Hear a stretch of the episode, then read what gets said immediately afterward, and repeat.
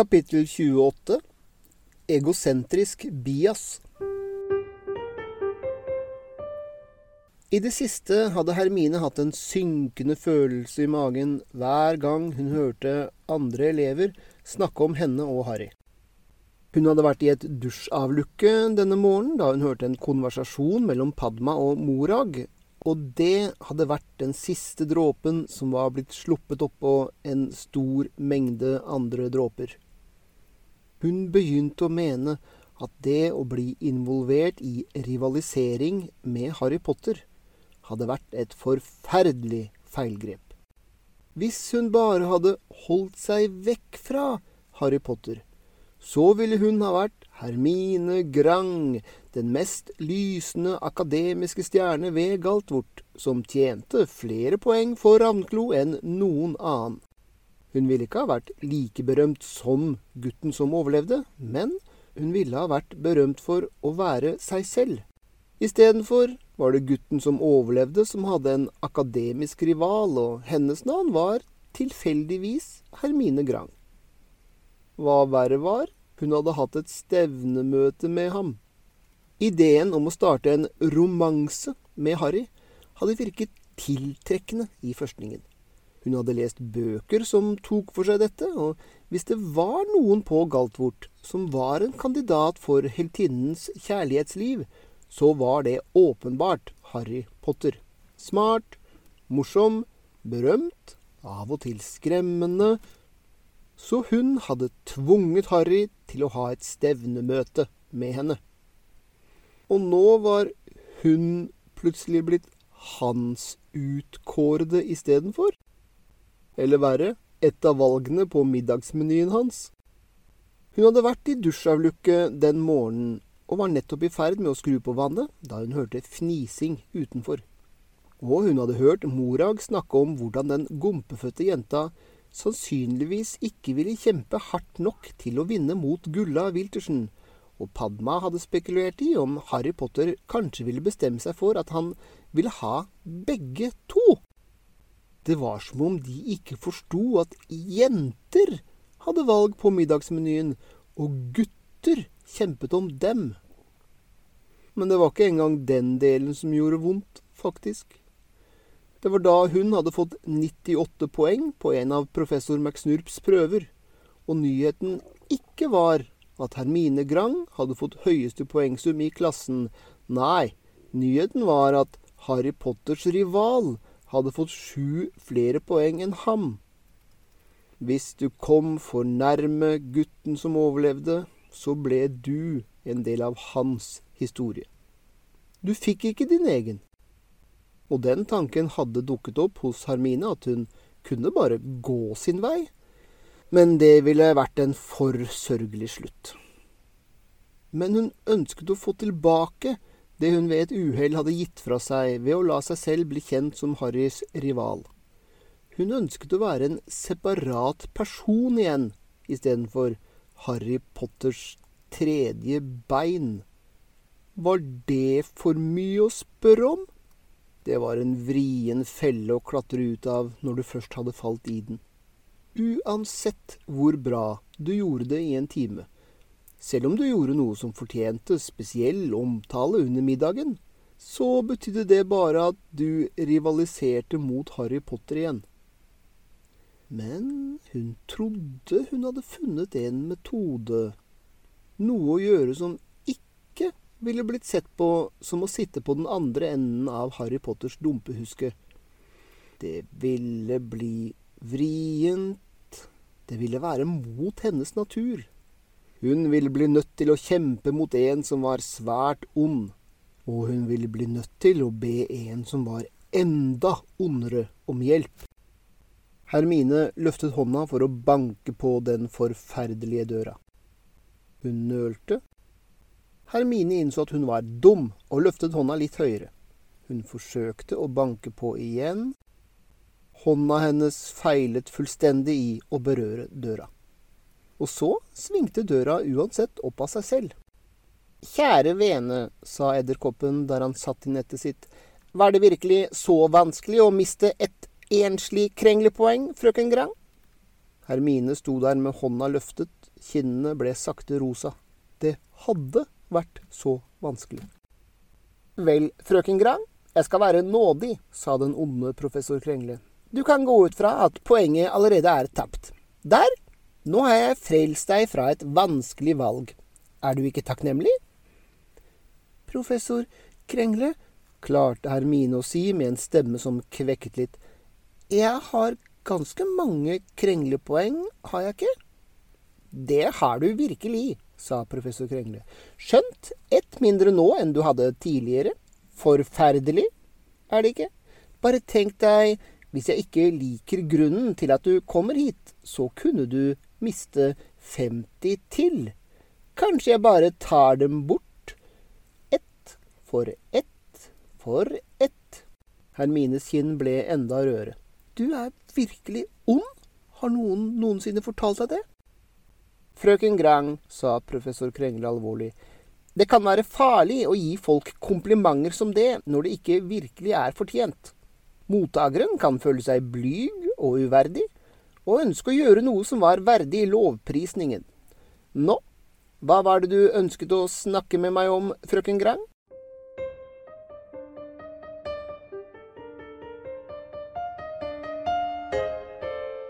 Det var etter lunsj torsdag og Hermine og Harry hadde forskanset seg i en avkrok i biblioteket med et stillusfelt oppe, slik at de kunne snakke. Harry lå på magen med albuene hvilende på gulvet og hodet i hendene og føttene tilfeldig viftende bak seg.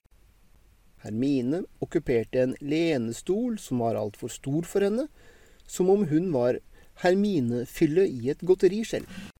Harry hadde foreslått at de i første omgang kunne lese bare alle titlene på alle bøkene i biblioteket.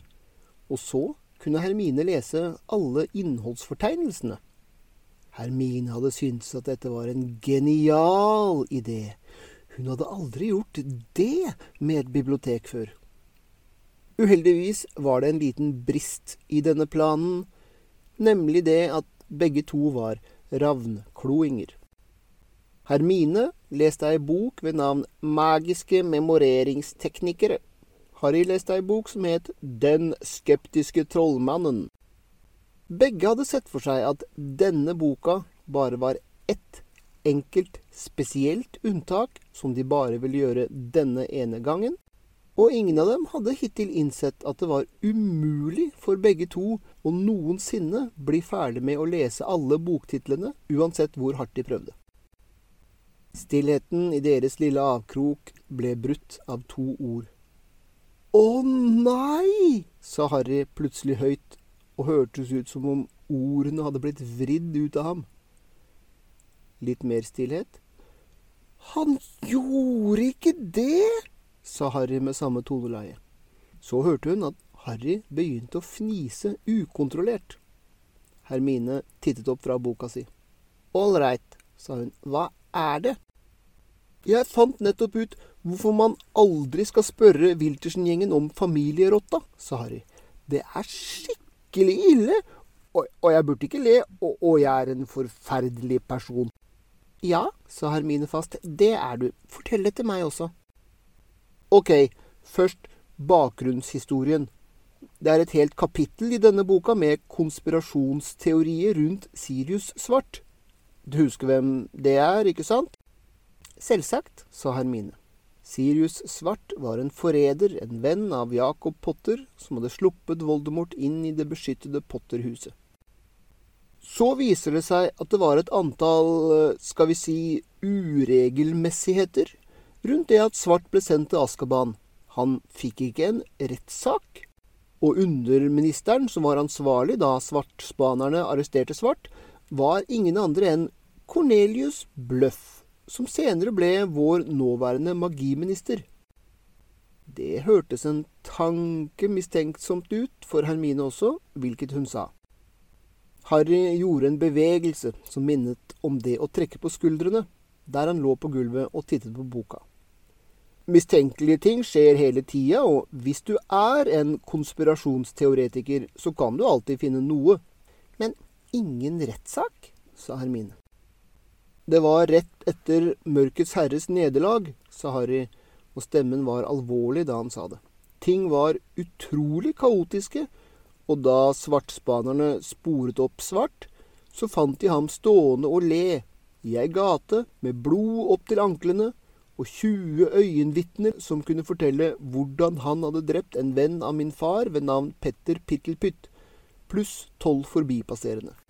Jeg sier ikke at jeg kan være enig i at Svart ikke fikk en rettssak, men dette er trollmenn vi snakker om her, så det er ikke egentlig mer mistenkelig enn jeg vet ikke den typen ting som folk peker på når de vil krangle om hvem som skjøt John F. Kennedy. Men uansett, Sirius Svart er trollmannsversjonen av Lee Harvey Oswald.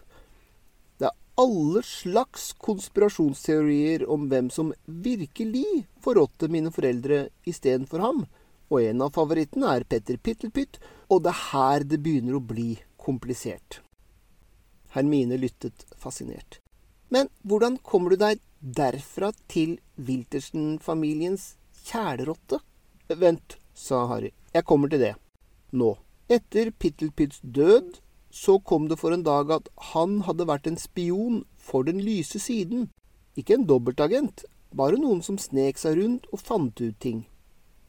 Han hadde vært flink til det helt siden han var tenåring. Selv på Galtvort hadde han et rykte på seg for å kunne finne ut alle slags hemmeligheter. Så konspirasjonsteorien er at Pittelpytt ble en uregistrert animagus mens han fremdeles var på Galtvort. En animagus av noe så lite at det kunne snike seg rundt og lytte til samtaler. Hovedproblemet er at vellykkede animaguser er sjeldne, og det å kunne gjøre det som tenåring ville være virkelig usannsynlig. Så konspirasjonsteorien sier selvsagt at min far og Svart også var uregistrerte animaguser. Og i denne konspirasjonsteorien så drepte Pittelpytt selv de tolv forbipasserende, gjorde seg om til sin lille animagusform og flyktet. Så forfatteren, Konsperius Mutterløs, sier at det er fire tilleggsproblemer her. 1. Svart var den eneste utenom mine foreldre som visste hvordan man kunne komme gjennom vaktformlene rundt huset. Harrys stemme var hard da han sa dette. 2. Svart var en mer sannsynlig mistenkt enn Pittelpytt fra starten av. Det er et rykte om at Svart med vilje forsøkte å få en elev drept mens han var på Galtvort, og han var fra denne virkelig ekle fullblodsfamilien. Bellatrix de Mons var bokstavelig talt kusinen hans. 3. Svart var en 20 ganger bedre kamptrollmann enn Pittelpytt, selv om han ikke var like smart.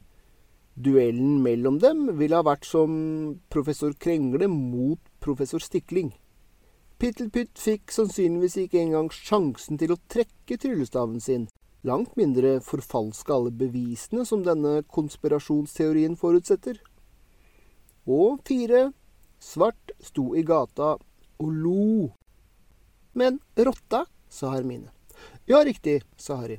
Vel, for å gjøre en lang historie kort, Rulle Wiltersen bestemte seg for at lillebroren Parrys kjælerotte var Pittelpytts animagusform.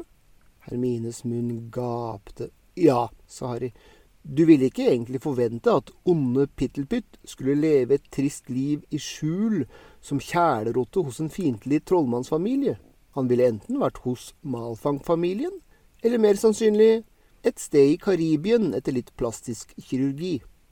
Men uansett, Rulle slår ut lillebror Parry, lamslår og griper rotta, og sender ut alle disse nødmeldingene via ugle. Å nei, sa Hermine, og hørtes ut som om ordene hadde blitt vridd ut av henne. Og på en eller annen måte klarte han å samle Humlesnurr, magiministeren og sjefen for Svartspanerne. Han gjorde ikke det, sa Hermine. Og naturligvis tror de at han er blitt gal når de kommer dit. Men de bruker verifisynum på rotta uansett, for sikkerhets skyld. Og hva fant de ut? Hun kunne ha dødd. Ei rotte. Du vinner en sjokoladekjeks. Så de halte stakkars Rulle Wiltersen med seg til Sankt Mungos, og det viste seg at det var et ganske vanlig tilfelle av schizofreni. Det er noe som bare skjer med noen, spesielt unge menn rundt det vi kan kalle universitetsalder. Karen var overbevist om at han var 97 år gammel og hadde dødd og reist tilbake i tid til sitt yngre selv via en togstasjon. Og han responderte svært bra på antipsykotisk medisin og er tilbake til sitt gamle jeg, og alt er bra nå. Bortsett fra at folk ikke lenger snakker så mye om konspirasjonsteorier rundt Sirius Svart, og du aldri spør Wiltersen-familien om familierotta. Hermine fniste hjelpeløst. Det var skikkelig ille, og hun burde ikke le, og hun var en forferdelig person. Det jeg ikke skjønner, sa Harry etter at de var ferdig med å flire, er hvorfor Svart skulle jakte på Pittelpytt istedenfor å flykte så fort han kunne. Han måtte vite at svartspanerne var etter ham. Jeg lurer på om de fikk noen grunn ut av Svart før de tok ham til Askaban. Ikke sant? Dette er akkurat grunnen til at folk som definitivt er skyldige, allikevel går gjennom rettssystemet og får en rettssak. Hermine måtte være enig i det. Snart var Harry ferdig med sin bok, mens Hermine bare var halvveis gjennom sin. Hennes var en mye vanskeligere bok enn Harrys, men hun følte seg allikevel brydd over dette. Og så måtte hun putte magiske memoreringsteknikere tilbake i hylla og slepe seg av gårde fordi tida var inne til at hun måtte stå ansikt til ansikt med det mest fryktede faget på Galtvort. Fly på sopelimet. Harry slang seg med på veien dit, selv om hans egen time ikke var før en og en halv time senere. Litt som en jetjager som eskorterer et trist, lite propellfly på vei til sin egen begravelse. Gutten tok farvel med henne med en stille, sympatisk stemme og hun gikk ut på dommedags grønne sletter. Og det var mye skriking og nesten å falle av, og forferdelige nær døden-opplevelser, og bakken på fullstendig feil sted, og sola som stakk i øynene hennes, og Morag som suste rundt henne, og Amanda som trodde hun var subtil, der hun alltid holdt seg nær nok til å fange henne opp hvis hun falt, og hun visste at de andre elevene lo av begge to, men hun sa aldri noe til Amanda fordi hun ikke faktisk ønsket å dø. Etter ti millioner år var timen ferdig, og hun var tilbake nede på bakken der hun hørte til, fram til neste torsdag. Noen ganger hadde hun mareritt om at det var torsdag. Hvorfor måtte alle lære dette, når du uansett kom til å imivere eller bruke flompulver eller flyttnøkkel overalt når du ble voksne. Det var et komplett og totalt mysterium for Hermine. Ingen trengte faktisk å fly på sopelimer som voksne. Det var som om å bli tvunget til å spille dødball i gymtimene. I det minste hadde Harry nok anstendighet til å skamme seg over at han var god til det.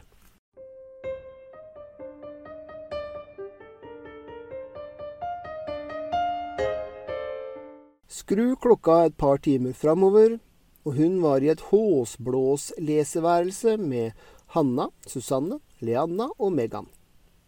Professor Pirrevimp, overraskende forknytt til lærer å være, hadde spurt om hun muligens kunne hjelpe de fire med formularleksene en stund, selv om de ikke var ravnkloinger. Og Hermine hadde følt seg så stolt at hun nesten sprakk Hermine tok et bit pergament, sølte litt blekk på det, rev det i fire biter, krøllet det sammen og slang bitene på bordet. Hun kunne nøyd seg med å bare krølle dem sammen, men å gjøre hele greia fikk det til å ligne litt mer på søppel. Og det var nyttig for noen som holdt på å øve seg på å kaste søppelformelen. Hermine fokuserte øyne og ører og sa ok, prøv det. Ridderøskus, ridderøskus, ridderøskus, ridderøskus. Hermine trodde ikke hun hadde klart å få med seg alle feilene de hadde gjort. Kan dere forsøke det en gang til? En time senere hadde Hermine konkludert med at 1. Leanna og Megan var litt slurvete, men hvis du ba dem om å fortsette med å øve på noe, så ville de det. To, Hanna og Susanne var fokuserte og kommet til et punkt der du måtte be dem om å sakke farten og slappe av og tenke på ting, istedenfor å forsøke så hardt. Det var merkelig å tenke på at de to snart ville være hennes. Og tre, hun likte å hjelpe håsblåsinger. Lesesalen hadde en veldig munter atmosfære. Da hun gikk for å spise middag, støtte hun på gutten som overlevde, som leste ei bok mens han ventet på å eskortere henne. Det fikk henne til å føle seg litt smigret, og også litt bekymret, siden det ikke virket som om Harry egentlig snakket med noen utenom henne. Visste du at det er ei jente i Håsblå som er metamorfmagiker? sa Hermine mens de var på vei mot storhallen. Hun får håret sitt til å bli skikkelig rødt, som som stoppskiltrødt, ikke Wiltersen-rødt, og da hun sølte varm te på seg selv, ble hun forvandlet til en sorthåret gutt før hun klarte å gjenvinne kontrollen. Er det sant? Kult, sa Harry og hørtes litt distrahert ut. eh, Hermine, bare for å sjekke du vet at i morgen er siste dag for å melde seg på til professor Krengles armeer, ikke sant? Ja, sa Hermine. Armeene til den onde professor Krengle. Stemmen hennes var litt sint, men Harry skjønte selvsagt ikke hvorfor. Hermine, sa Harry med en stemme som sa at han begynte å bli litt lei dette temaet, han er ikke ond. Han er lite grann mørk og en hel del smygarsk det er ikke det samme som å være ond. Harry Potter hadde for mange ord på ting. Det var hans problem. Han ville hatt det greiere hvis han bare delte universet inn i godt og ondt.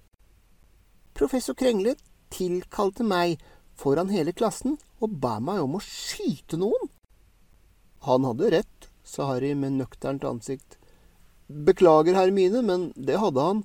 Du kunne skutt på meg, jeg hadde ikke hatt noe imot det. Du kan ikke lære kampmagi hvis du ikke kan øve på virkelige motstandere ved å bruke virkelige formler. Og nå gjør du det greit i frikamp, gjør du ikke? Hermine var bare tolv, så hun visste, men kunne ikke sette ord på, den tingen hun kunne si som ville overbevise Harry. Professor Krengle hadde plukket ut ei ung jente og fått henne til å stå foran alle sammen, og beordret henne til å åpne ild mot en klassekamerat helt uprovosert. Det spilte ingen rolle hvorvidt professor Krengle hadde rett i at hun trengte å lære det. Professor McSnurp ville aldri noensinne ha gjort det. Professor Pirrevimp ville aldri noensinne ha gjort det. Kanskje ikke engang professor Slur ville gjort det. Professor Krengle var ond. Men hun kunne ikke finne de riktige ordene, og hun visste at Harry aldri ville tro på henne. Hermine, jeg har snakket med eldre elever, sa Harry. Det kan godt vise seg at professor Krengle er den eneste kompetente læreren vi får i forsvar mot svartekunster i løpet av syv år på Galtvort. Alt annet kan vi lære senere, men hvis vi vil studere forsvar, så må vi gjøre det i år. Elevene som melder seg på ikke-obligatoriske emner, kommer til å lære en hel masse. Langt mer enn det Magidepartementet mener at førsteklassinger skal lære. Visste du at vi kommer til å lære skytsvergeformelen i januar? Skytsvergeformelen? sa Hermine med en stemme som økte i overraskelse. Bøkene hennes sa at dette var en av de lyseste formene for magibruk som fantes, et våpen mot de mørkeste vesener, kastet med rene, positive følelser. Det var ikke noe hun hadde forventet at den onde professor Krengle skulle lære bort, eller skulle arrangere læringen av, siden Hermine ikke kunne se for seg at han kunne klare å bruke denne formelen selv. Jepp, sa Harry. Elever lærer vanligvis ikke skytsvergeformelen før femte år eller senere, men professor Krengle sa at departementsplanene sannsynligvis var satt opp av snakkende flubbermakk, og evnen til å kaste skytsvergeformelen avhenger mer av følelser enn av magisk styrke. Professor Krengle sa at han tror de aller fleste elever gjør langt mindre enn de er i stand til, og i år har han tenkt til å bevise det. Det var den vanlige tonen av ærefrykt og tilbedelse i Harrys stemme når han snakket om professor Krengle, og Hermine gned tennene sammen og fortsatte å gå. Jeg har allerede meldt meg på, faktisk, sa Hermine med litt stille stemme. Gjorde det i morges. For alt, akkurat som du sa. Vil du være med på leken, må du tåle steken, var visst det vanlige uttrykket her. Dessuten så hadde hun ikke lyst til å tape, og hvis hun ønsket å vinne, så måtte hun lære. Så du kommer til å være med i armeene, da? Harrys stemme var plutselig entusiastisk. Glimrende, Hermine. Jeg har allerede klar min liste over soldater, men jeg er sikker på at professor Krengle vil la meg legge til en til, eller bytte. Jeg blir ikke med i din armé. Hermines stemme var skarp. Hun visste at det var en rimelig antagelse, men det irriterte henne allikevel. Harry blunket. Definitivt ikke Draco Malfangs. Så du har lyst til å være med i den tredje armeen? Selv om vi ennå ikke vet hvem den generalen er? Harry hørtes overrasket ut og litt såret, og hun kunne ikke egentlig laste ham for det, skjønt hun lastet ham selvfølgelig for det, siden alt sammen faktisk var hans feil. Men hvorfor ikke min? Tenk litt på det, glefset Hermine, så finner du det kanskje ut. Og så økte hun farten og forlot Harry måpende bak seg.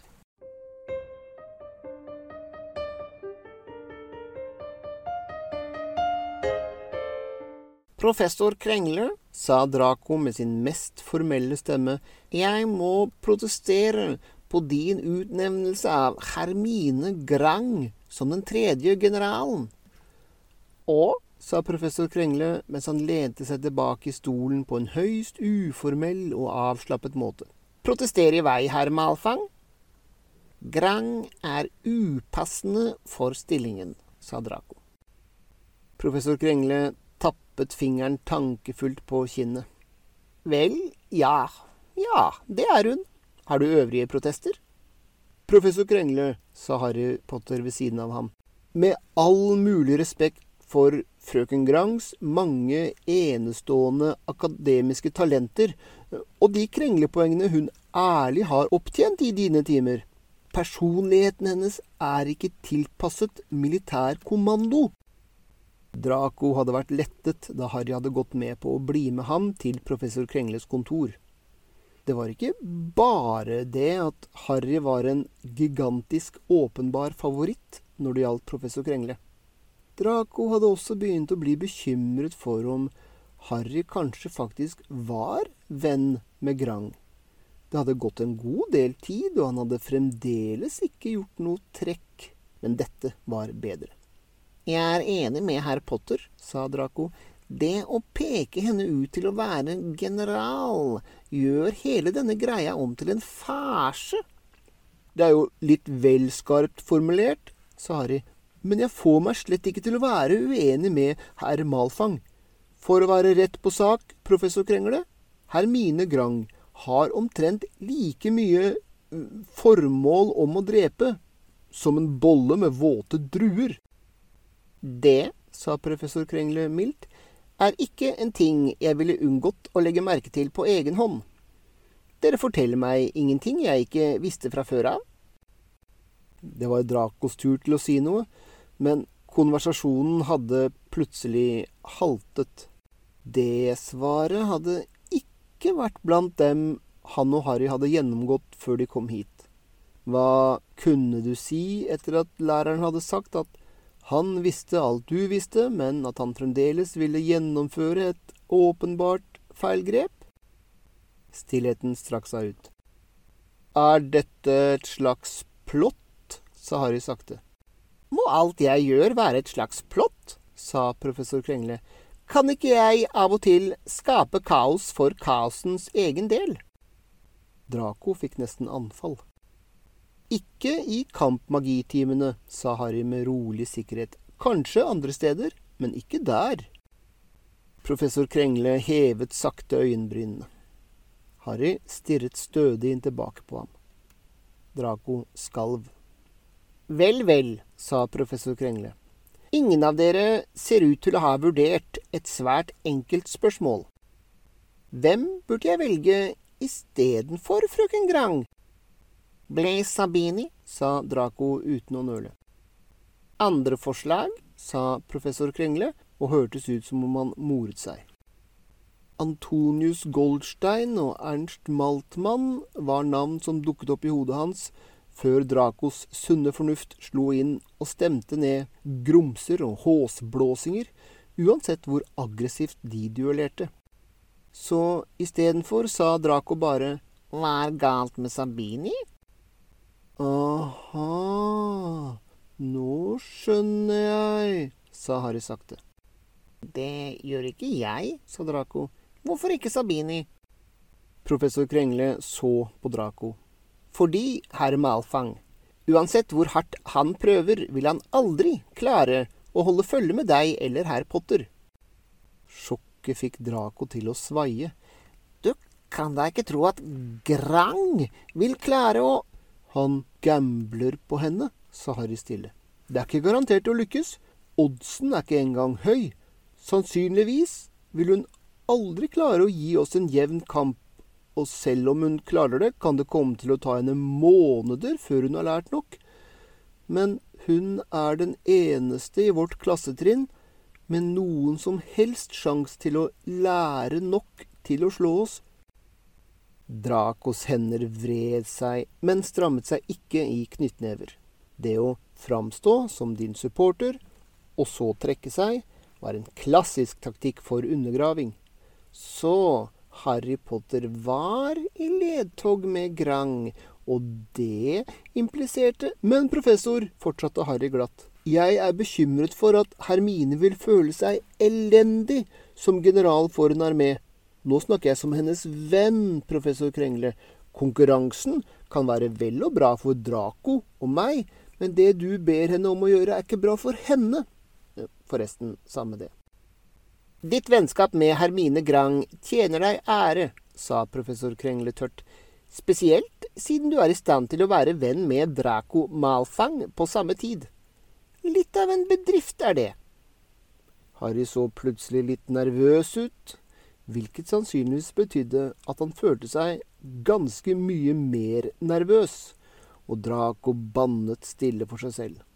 Naturligvis ville ikke Harry klare å narre professor Krengle.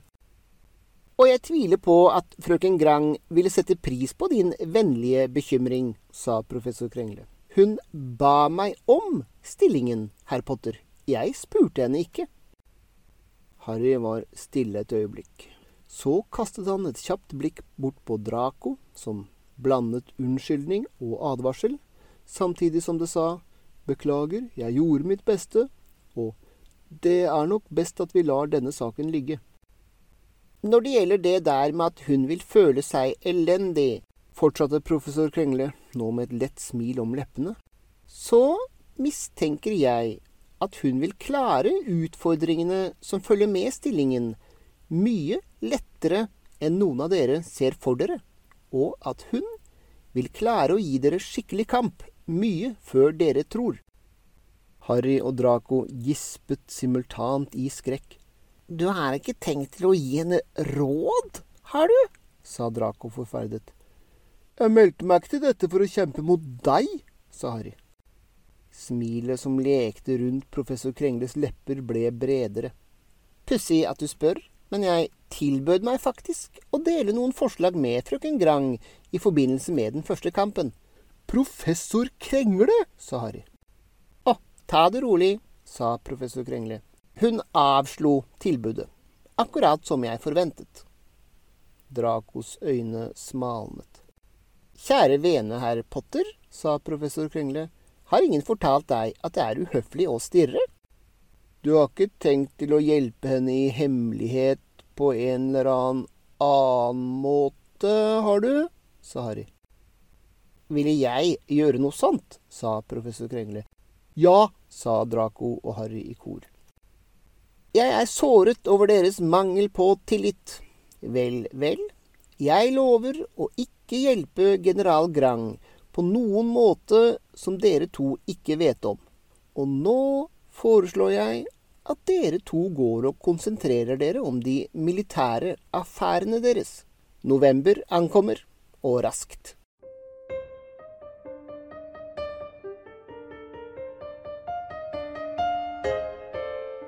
Draco så implikasjonene før døra helt hadde lukket seg bak dem på veien ut av professor Krengles kontor.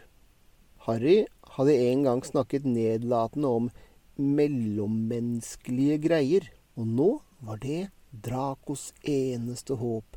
La ham ikke skjønne det, la ham ikke skjønne det.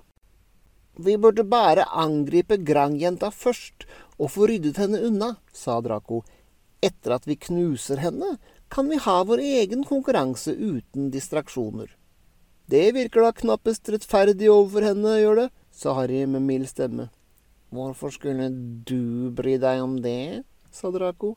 Hun er rivalen din, ikke sant? Og så, med akkurat riktig mengde mistenksomhet i stemmen, ikke fortell meg at du har begynt å virkelig like henne etter å ha vært rivalen hennes så lenge. Måtte grunnleggerne forby noe slikt, sa Harry. Hva kan jeg si, Draco? Jeg har rett og slett bare en naturlig rettferdighetssans. Og det har Grang også, vet du. Hun har et svært tydelig grep om godt og ondt, og det er sannsynlig at hun vil angripe de onde først. Det å ha et navn som Malfang er jo jevngodt med å be om å bli angrepet, vet du. Drageballe, tenkte Draco nett, men lot ikke noe vises utad.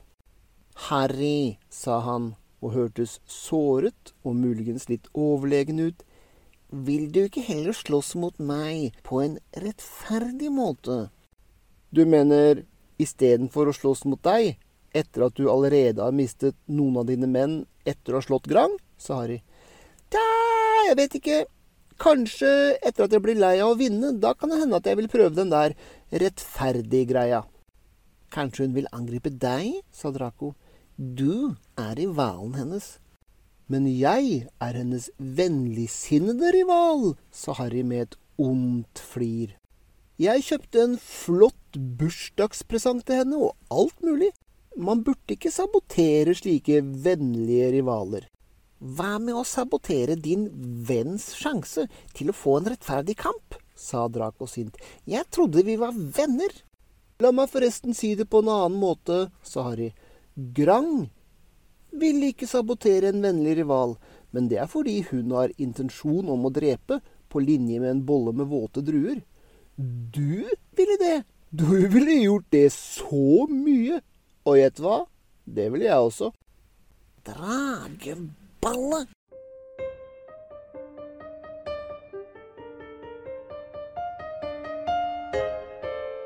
Hvis det hadde vært et skuespill, så ville det nå ha vært dramatisk musikk.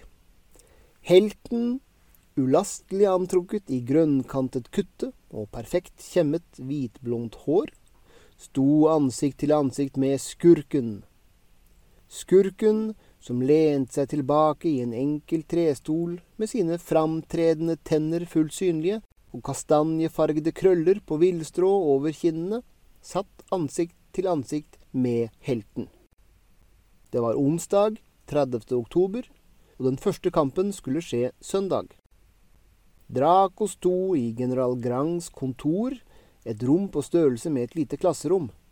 Hvorfor alle generalenes kontor var så store, var ikke Draco sikker på.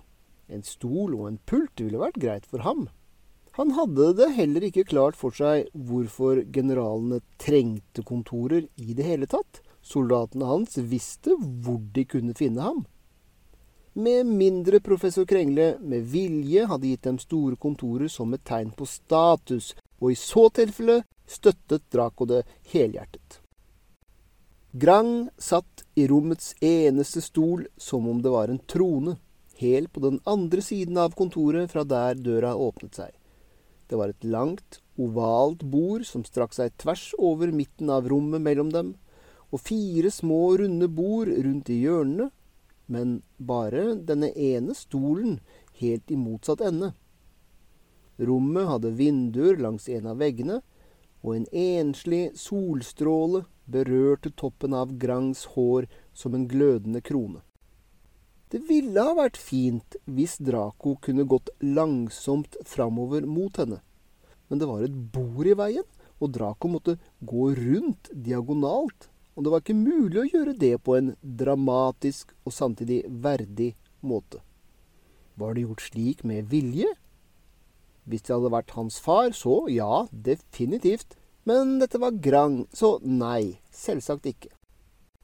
Det var ingen steder han kunne sitte, og Grang hadde ikke reist seg. Draco holdt forbitrelsen fullstendig vekk fra ansiktet.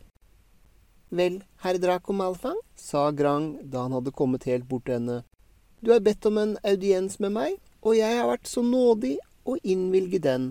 Hva er ditt ønske? Bli med meg til Malfanghus, så vil min far og jeg gjerne vise deg noen interessante formler. Eh, din rival, Potter, kom til meg med et tilbud, sa Draco og valgte et svært alvorlig ansiktsuttrykk. Han har ikke noe imot å tape for meg, men ville bli ydmyket hvis du vant.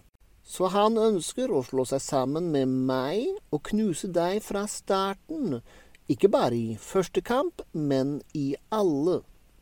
Hvis jeg ikke går med på det, så ønsker Potter at jeg enten holder meg vekk eller plager deg, mens han iverksetter et fullt angrep på deg som første trekk.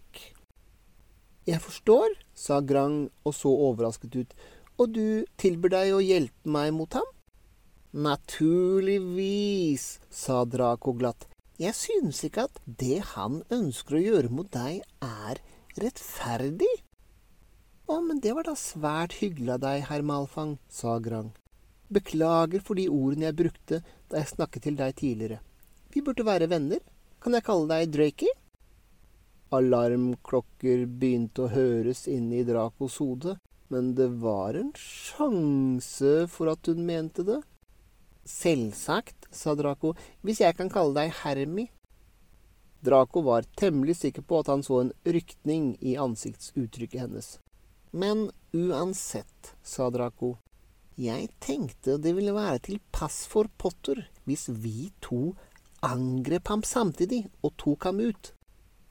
Men det ville ikke være rettferdig overfor herr Potter, ville det, sa Grang. Jeg synes det ville være svært rettferdig, sa Draco. Han planla å gjøre det mot deg først. Grang ga ham et strengt blikk som muligens kunne vært skremmende hvis han hadde vært en håsblåsing, istedenfor en malfang. Du tror jeg er ganske dum, gjør du ikke, herr Malfang? Draco smilte sjarmerende. Nei, frøken Grang, men jeg tenkte i det minste at jeg kunne sjekke. Så, eh, hva vil du ha? Tilbyr du meg bestikkelse? sa Grang. Selvsagt, sa Draco. Kan jeg bare gi deg en gallion eh, og få deg til å banke løs på Potter istedenfor meg resten av året? Niks, sa Grang. Men eh, du kan tilby meg ti gallioner og få meg til å angripe begge to like mye istedenfor bare deg. Ti gallioner er mye penger, sa Draco varsomt. Jeg visste ikke at malfangene var fattige, sa Grang. Draco stirret på Grang. Han begynte å få en litt pussig følelse rundt denne situasjonen. Det bestemte svaret virket ikke som du skulle ha kommet fra denne bestemte jenta. Vel, sa Draco, man blir ikke rik ved å kaste bort penger, vet du. Jeg vet ikke om du vet hva en tannlege er, herr Malfang, men mine foreldre er tannleger, og alt mindre enn ti gallioner er ikke verdt tida mi i det hele tatt. Tre gallioner, sa Draco, mer som en test enn noe annet. Niks, sa Grang. Hvis du i det hele tatt ønsker en jevn kamp, så kan jeg ikke tenke meg at en malfang ønsker en jevn kamp mindre enn han ønsker ti gallioner. Draco begynte å få en veldig pussig følelse rundt situasjonen. Nei, sa Draco. Nei, sa Grang. Dette er et tidsbegrenset tilbud, herr Malfang. Er du sikker på at du vil risikere et helt år med å bli miserabelt gruset av gutten som overlevde? Det ville være temmelig forsmedelig for adelsslekta Malfang, ville det ikke? Det var et svært overbevisende argument. Dette var vanskelig å avslå, men man ble ikke rik ved å bruke penger når hjertet ditt fortalte deg at dette var et knep. Nei, sa Draco. Vi ses søndag, sa Grang. Draco snudde seg og gikk ut av kontoret uten flere ord. Der hadde det vært noe feil.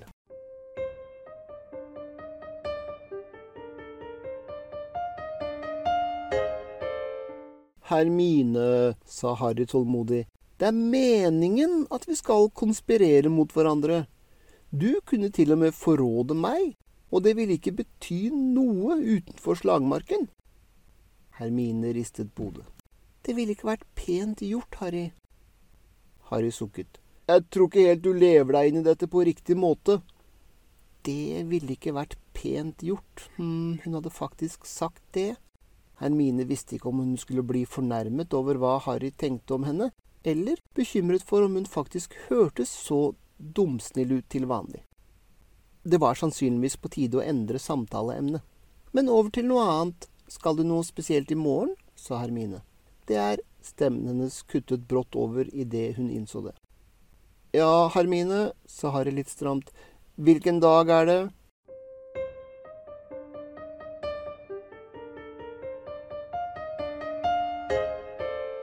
Mellomspill. En gang i tida hadde 31. oktober blitt kalt halloween i det magiske Storbritannia. Nå var det Harry Potter-dagen. Harry hadde avslått alle tilbud, selv den fra minister Bløff, som muligens ville vært nyttig for framtidige politiske tjenester, og som han virkelig burde bitt tennene sammen og akseptert. Men for Harry ville 31. oktober alltid være Mørkets herre drepte mine foreldre-dagen. Det burde ha vært en stille, verdig minnesamling et sted, og hvis det var noen, så var ikke han invitert. Galtvort tok en fridag for å feire. Selv smygardingene turte ikke å gå i svart utenfor sitt eget oppholdsrom. Det var spesielle arrangementer og spesiell mat og lærerne så en annen vei hvis noen sprang i gangene. Det var tiårsjubileum når alt kom til alt. Harry brukte dagen nede i kofferten sin for å ikke å spolere den for andre. Han spiste snacks istedenfor måltider, leste noen av sine tristere science fiction-bøker, ingen fantasy, og skrev et brev til mor og far som var mye lenger enn de han vanligvis sendte.